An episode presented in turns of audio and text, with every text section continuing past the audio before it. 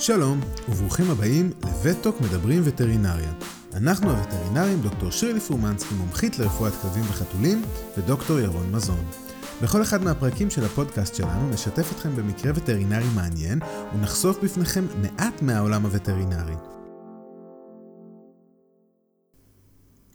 בצל מגפת הקורונה והסגר הכללי, את הפרק של היום אנחנו מקליטים מעט אחרת. אנו מקליטים כל אחד בביתו. חשוב לנו להביא לכם תוכן חדש ומעניין גם בתקופה הזו, ואנו מקווים שהצלחנו להתגבר על הקשיים הטכניים ולהפיק פרק מהנה ומעניין. היום נדבר על תחילת היציאה חזרה לשגרה, או סוג מסוים של שגרה בצל הנגיף. נדבר על איך מחזירים או איך מרגילים מחדש את הכלבים לכך ששוב לא נהיה איתם ונימצא בקרבתם 24 שעות ביממה. אז שוב שלום לכל המאזינים שלנו, אה, וכן, בשבועות האחרונים אנחנו נשאלים הרבה מאוד, מה זה הרבה מאוד? המון, על החזרה לשגרה גם שלנו וגם של חיות המחמד שלנו.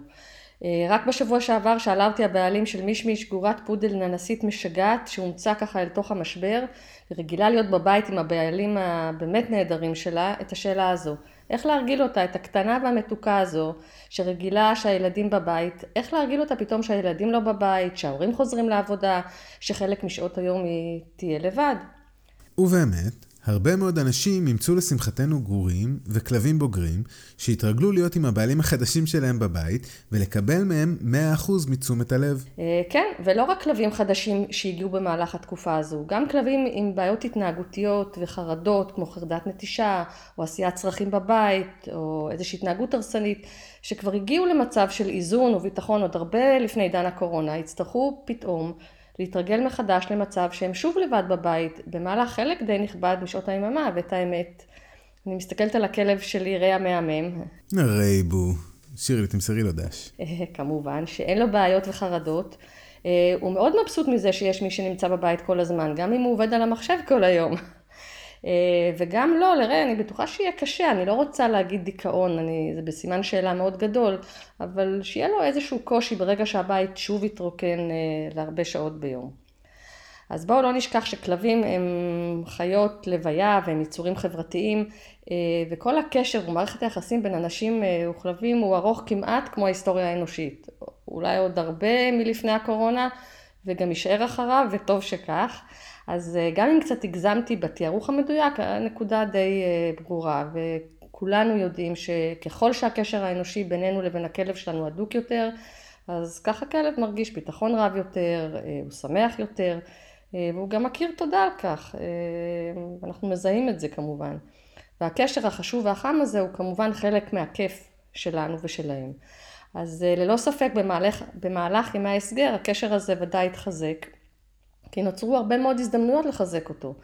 זה נכון שהרבה בעלי כלבים מדווחים כי הכלב שלהם נורא מתגעגע להיפגש ולשחק עם כלבים אחרים בפארקים או בגינות כלבים, אבל מצד שני אנחנו מקבלים אה, הרבה פידבקים על זה שבעלים יוצאים הרבה יותר לטיולים עם הכלבים, אה, וכמובן על השהות הממושכת בבית עם הבעלים שלהם, שמאפשרת אה, גם זמן משחק ממושך יותר. שללא ספק זה משחק הוא המפתח לאושר. אמ, אולי אחרי אוכל. אתה צודק, אבל עכשיו אנחנו בעניין של איך מחזירים את הכלבים לשגרה של שעות רבות לבד בבית, עם קצת פחות משחקים, פחות ליטופים, אחרי הכיף הגדול הזה שהיה להם. אה, ובכלל, כל הפעילות הזו של משחק וסוציאליזציה היא חלק מסטימולציה מנטלית שחשובה לרווחתו של הכלב. אה, אז מסתבר שבכל סיטואציה קשה יש כאלה שמצליחים ליהנות ממנה ולמקסם אותה, והכלבים בעיניי שיחקו אותה הפעם. שירלי, מה את אומרת? בואי ניתן כמה טיפים בכדי להחזיר את הכלב בקלות לשגרה שהכיר לפני עידן הקורונה.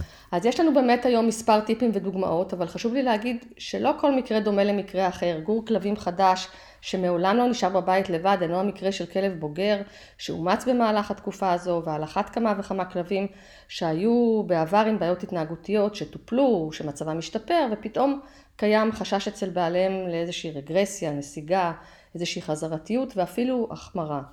אז זה באמת שאלות שעולות והן מטרידות את אותם בעלי כלבים ובצדק, וחלק מהמאזינים ישאלו, וגם בצדק, איך אנחנו יודעים?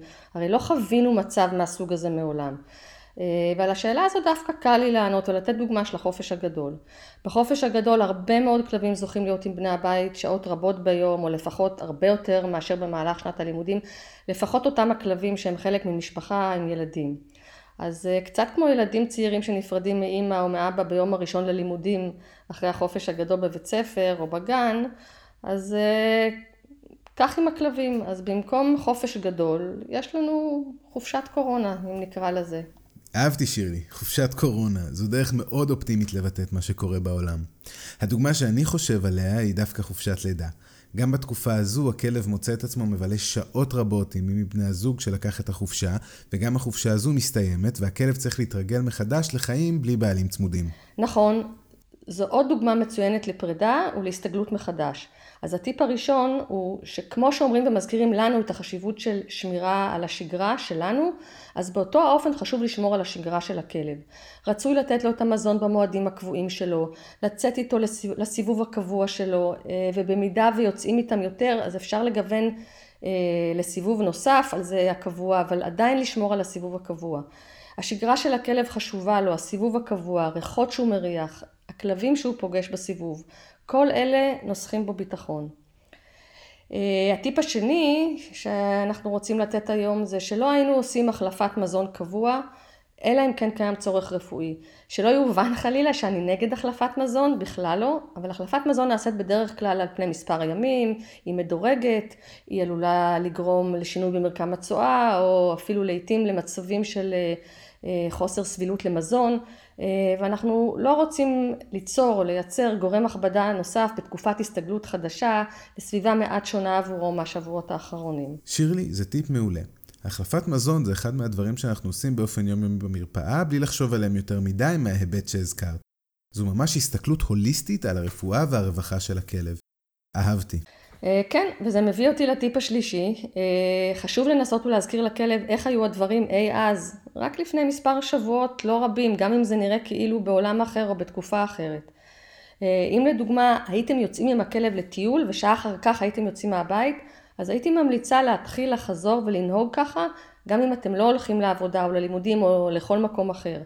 כלבים, אה, בעיקר עם כלבים עם היסטוריה ידועה של חרדת נטישה, או כאלה עם איזושהי התנהגות הרסנית, או כאלה שנהגו בעבר לעשות צרכים בבית, יש צורך להרגילם מחדש, ויש צורך לעשות זאת בפרקי זמן קצרים בהתחלה. תקשיבי, מניסיון, אני יודע שחרדת נטישה זה ממש ממש לא צחוק. הרי לכל מי שמגדל כלבים יש איזה כלב מיתולוגי שכזה, אז לכלב המיתולוגי שלי קראו ברי. האמת היא שיצא לך לפגוש אותו ואף לטפל בו לא פעם ולא פעמיים במרפאה שלך עוד שהייתי נער. ברי היה בוקסר מנומר, גדול וחזק, ואני זוכר אפילו שהחמאת לו פעם ואמרת שמרוב שהוא שרירי וכתוב, ניתן ללמד איתו אנטומיה בבית הספר לווטרינריה. כמה מתאים לי להחמיא ככה, להגיד כזה דבר. אה, אז בערוב ימיו, כשעברתי איתו לרחובות לצורך לימודי וטרינריה, הוא פיתח חרדת נטישה. זו הייתה תקופה ממש קשה בעבורנו.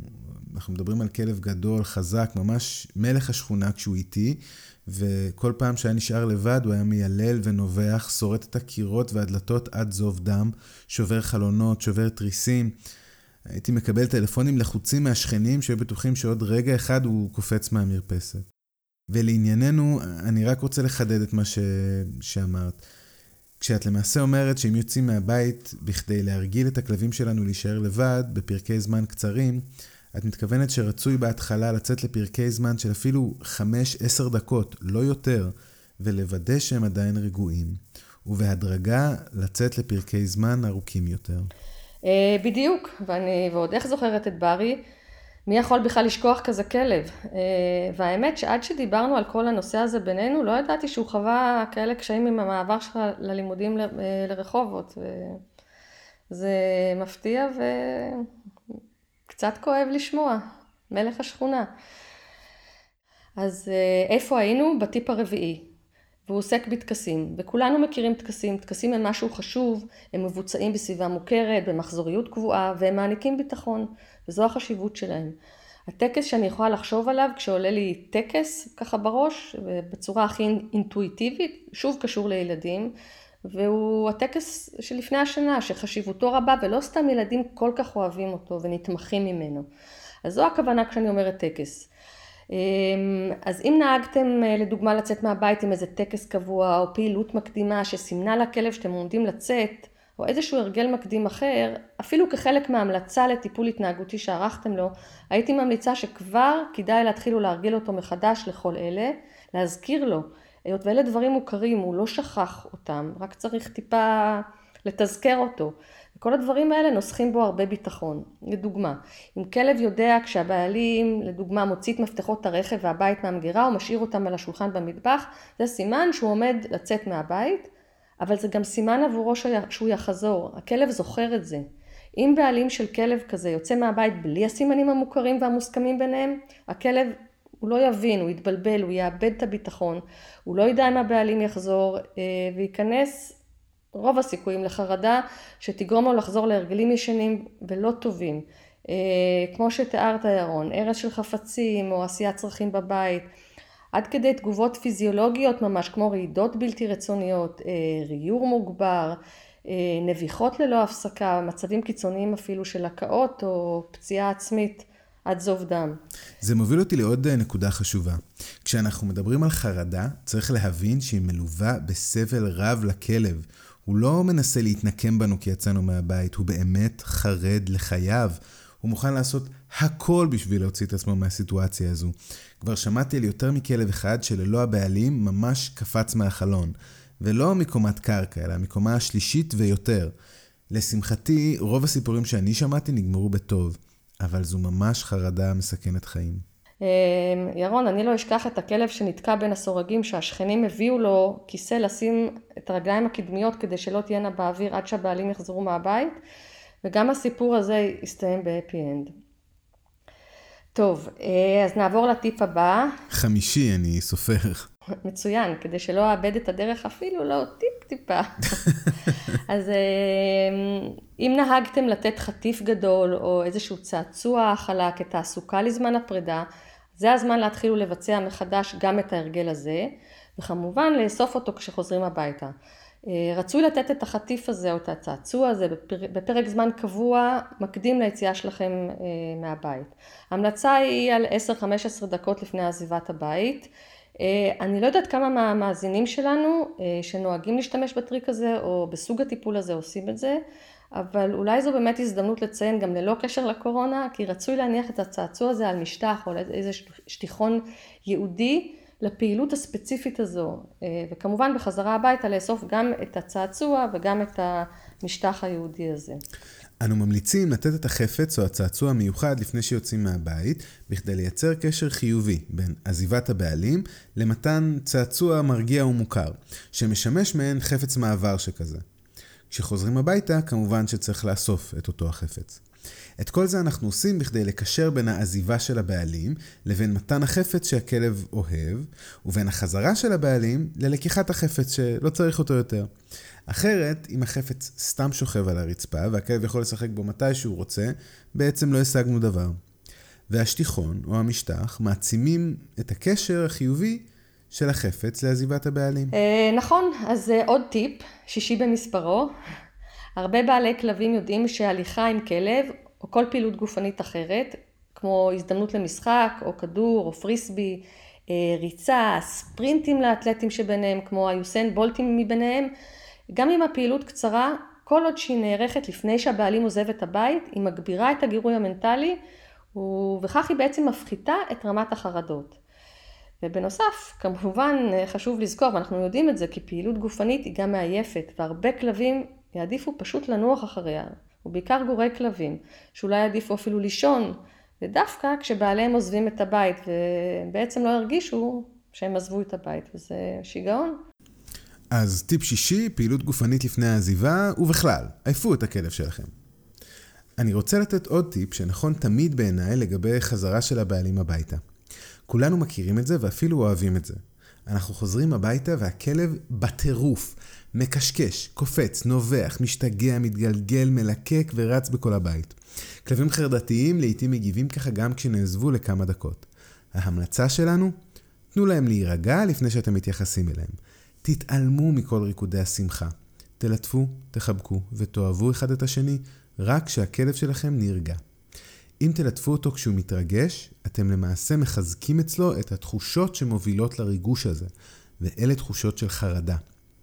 אז למרות שזה גורם לנו להרגיש ממש ממש טוב, וגם אם, כמו שרבים מספרים לנו בבדיחה, הוא היחיד ששמח לראות כשחזרתי הביתה, אם הגעתם הביתה והכלב משתולל, אתם לא מתייחסים אליו. בכלל. אפילו לא מישירים מבט, עד שהכלב יושב מולכם רגוע לגמרי. וזה ממש קשה, אני יודע. אבל עם תרגול נכון לאורך זמן, הכלב יבין שגם כשהבעלים הגיעו, הוא צריך להיות רגוע. זה קשה, ירון. אתה יודע מה הכי קשה לי? זה מזכיר לי בכל התקופה הזו אמרי הכלב שלי, סליחה שאני חוזרת אליו. אה, כשאני מגיעה הביתה, בדרך כלל הוא הדבר הראשון שאני פוגשת, באמת הראשון. מה זה ראשון? היחיד. כמו שאמרת, שקופץ לדלת, הוא מקבל את פניי, מרים טוסיק למעלה, או כשאני ניגשת אליו נשכב על הגב, עושה לי עם הרגליים הקדמיות סימני אהבה, בואי, רוצה ליטוף, חיבוק, מסאז' בין השכבות, אה, טקס קבוע. והיום כשאני חוזרת הביתה, אה, מהמרפאה או מכל מקום אחר, אז דבר ראשון, אני הולכת לפגוש את הכיור, לשטוף ידיים, ורק אחר כך מקיימת איתו את כל טקס הכניסה הביתה. אה, והייתי כל כך רוצה לחזור לשגרה, שהוא הראשון שאני נוגעת בו כשאני נכנסת הביתה, ולא את הסבון והמים מהברז. טוב, אז הגענו לטיפ האחרון, אני לא סופרת כבר. אה, כדאי להתמקד מעט באוכלוסיית גורי הכלבים שהזכרנו קודם, ושהצטרפו למשפחות החדשות שלהם. באופן כללי גורי כלבים זקוקים להדרכה ולהקניית הרגלים נכונים. כל הטיפים שהזכרנו קודם הם נכונים גם לגורי כלבים, אבל בכל זאת, בלי לסטות מהנושא של הפודקאסט הזה, יש מעט שינויים, אה, דגשים מתבקשים וכל מיני התאמות שונות שיש צורך לעשות אה, עבור גורים. אז אה, על הגור החדש להסתגל לא רק לעזיבת הבעלים את הבית, אלא גם לסביבה היחסית חדשה שלו, להרגלים של בני הבית, למזון חדש, לזמני האכלה קבועים וגם לחינוך לצרכים. צריך לזכור כי גורים הם שובבים, הם מלאי שמחת חיים ויש להם נטייה מוגברת ללעוס ולנשוך חפצים וגם את בני הבית. אה, גור כלבים ינבח, ייבב או יילל בדרך כלל הרבה יותר מכלב בוגר ואולי ינסה לברוח כשתפתחו את דלת הבית כדי לצאת ממנו. כלומר, יש לתווך לגור את הסביבה החדשה שלו ועל כל אלה להרגיל אותו לשינוי נוסף בסביבה המיידית שלו שהיום היא בעצם נוכחות קבועה 24/7 כמעט של תשומת לב ואהבה. בימים הקרובים הוא יישאר בבית רוב שעות היום לבד, הוא יצטרך למצוא עיסוק עם משחקים שונים אה, ולהרגיש נוח בסביבה הבטוחה שלו.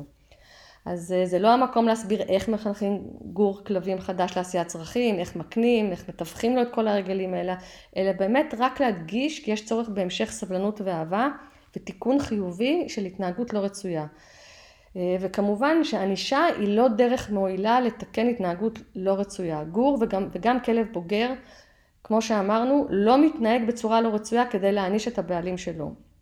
ובאופן כללי הקניית הרגלים נכונה, תיווך נכון, חיזוקים חיוביים, אם באמצעות חטיף או מילה טובה או ליטוף, כל אלה משמעותית יפחיתו את הסיכוי להתפתחות אה, של כל מיני בעיות התנהגות בכלב בוגר. ובכל מקרה, כיוון שגורי כלבים הם אנרג'ייזרים במרבית המקרים, וחסרי גבולות של מה מותר ומה אסור, ואין להם את ה fine tuning הזה בהתנהגות שלהם. הרי שמצד אחד הבעלים צריכים להיות מודעים לתגובות המוגזמות האלה שלהם, ולכן לא להגזים בתגובות של הבעלים בכניסות אה, לבית או ביציאות מהבית, כמו שירון ציין קודם, אה, כדי למנוע בדיוק מהגור את התסכול הזה שהוא נשאר לבד בבית. מצד שני, צריך לזכור שגורים הם סופר אינטליגנטים, הם מהירי תפיסה, הם לומדים מהר מאוד מהסביבה המיידית, ולכן קל ללמד אותם את נהלי הבית ולהקנות להם את כל אותם אה, הרגלים רצויים, אם באמצעות משחק, שהוא אחד מאמצעי הלמידה היותר מהנים באמת, אה, ואם באמצעות אה, התניות חיוביות. והנושא האחרון לגבי גורי כלבים, זה שהם זקוקים לסוציאליזציה של כלבים אחרים כבר מגיל מוקדם. וחשוב שהסוציאליזציה הזאת תהיה עם כלבים חברותיים וידידותיים. כאלה שלא יאיימו, שלא יפחידו את הגור הרך הזה, או לא רך, כלב או כלבה, אה, כאלה שינסחו בהם ביטחון ורצון לשחק. וכמובן אה, שהם יהיו כלבים מחוסנים, שלא יעבירו מחלה לגור הצעיר. אה, הוא לא מחוסן בכלל, או לא מחוסן באופן מלא, מערכת החיסון שלו אינה מפותחת או בעלת יכולת התמודדות והגנה כמו של כלב בוגר. במצב רגיל שלא בימי קורונה אנחנו ממליצים על פגישות עם כלבים שעונים על הקריטריונים האלה, בין אם של חברים, של בני משפחה, של שכנים. במצב הנוכחי זה מעט בעייתי, אני מודה, אבל עדיין ניתן להיות יצירתיים. כשאני מוליכה את הכלב שלי לטיול, הוא ואני יודעים בדיוק איזה מהכלבים האחרים במסלול ההליכה שלנו הם ידידותיים יותר ואיזה פחות. ואין לי חלילה ביקורת, גם אנחנו חלקנו ידידותיים יותר או פחות. אז טיול כזה הוא בהחלט הזדמנות לוודא עם בעלי הכלב השני אם הוא מחוסן, לעמוד במרחק רצועה של יותר משני מטר עם מסכה כמובן, אה, ולאפשר לכלבים להכיר, לשחק, אה, ללמוד אחד את השני, לרחרח אחד את השני, אה, וכך ללמוד קצת שיש עוד כלבים בעולם וכמה זה בכלל נעים לשחק ביחד. וכן, זה רק מראה כמה אנחנו והכלבים שלנו הם יצורים חברתיים. אה, וכולנו מתגעגעים אה, לקרבה חברתית אה, וכמה היא חשובה. שירלי, בואי נסכם את הטיפים שלנו. טיפ ראשון, לשמור על השגרה. טיפ שני, בלי שינויי הזנה לא הכרחיים. טיפ שלישי, להרגיל מחדש את הכלב להישאר לבד בבית בסביבה המוגנת. טיפ רביעי, לשמור על טקס היציאה מהבית. טיפ חמישי, חפץ מעבר שהכלב אוהב. טיפ שישי, לא לשכוח פעילות גופנית. טיפ שביעי, חזרה רגועה הביתה, ואחרון חביב בנוגע לאוכלוסיית גורי הכלבים והפגישה עם חברים על ארבע. ואם הכלב שלכם מראה סימני חרדה, זכרו שהוא לא מעניש אתכם. תודה ירון שסיכמת את כל אלה. אולי הדבר האחרון, החשוב ביותר, הוא שיש לי להגיד, זה שלא לדאוג מהחזרה לשגרה בעקבות מגפת הקורונה. להפך, השגרה ברוכה ואני מאמינה שכולנו מצפים לה. אה, חשוב פשוט להיות מודעים לתהליך הזה, שגם כלבים שהם חלק מבני הבית שלנו, המשפחה הקרובה, גם הם יושפעו ממנו, ועלינו לדאוג לזה שאנחנו נעזור להם להתרגל ליום שאחרי, והלוואי וכבר יגיע. אה, נוכל לצ'פר אותם שוב בגינת כלבים, בטיולים ארוכים יותר, בנסיעה איתנו לטיולים. אה, הרבה כלבים נמצאים עם הבעלים שלהם במקומות עבודה ידידותיים לכלבים, שלשמחתנו הם מתרבים מיום ליום. אז אה, יש בהחלט אופק טוב, אה, ועם זה הייתי, עם האופק הטוב הזה הייתי שמחה לסיים את הפודקאסט הזה, עם הרבה אופטימיות. תודה שירלי. היה חשוב וגם מרגיע ונותן אופק לכולנו, כמו שאמרת. אנו רוצים להודות לכם המאזינים שהאזנתם לנו גם הפעם. מקווים שנהניתם מהפרק של וטוק מדברים וטרינריה להיום. אנחנו דוקטור ירון מזון ודוקטור שירלי פרומנסקי. אתם מוזמנים לשאול אותנו שאלות על מה ששמעתם היום. אם יש לכם הארות, הערות או סתם סיפורים מעניינים, שתפו אותנו בדף הפייסבוק שלנו. פשוט חפשו וטוק בפייסבוק. אפשר לשמוע פרקים נוספים בספוטיפיי, גוגל פודקאסט או ב iTunes.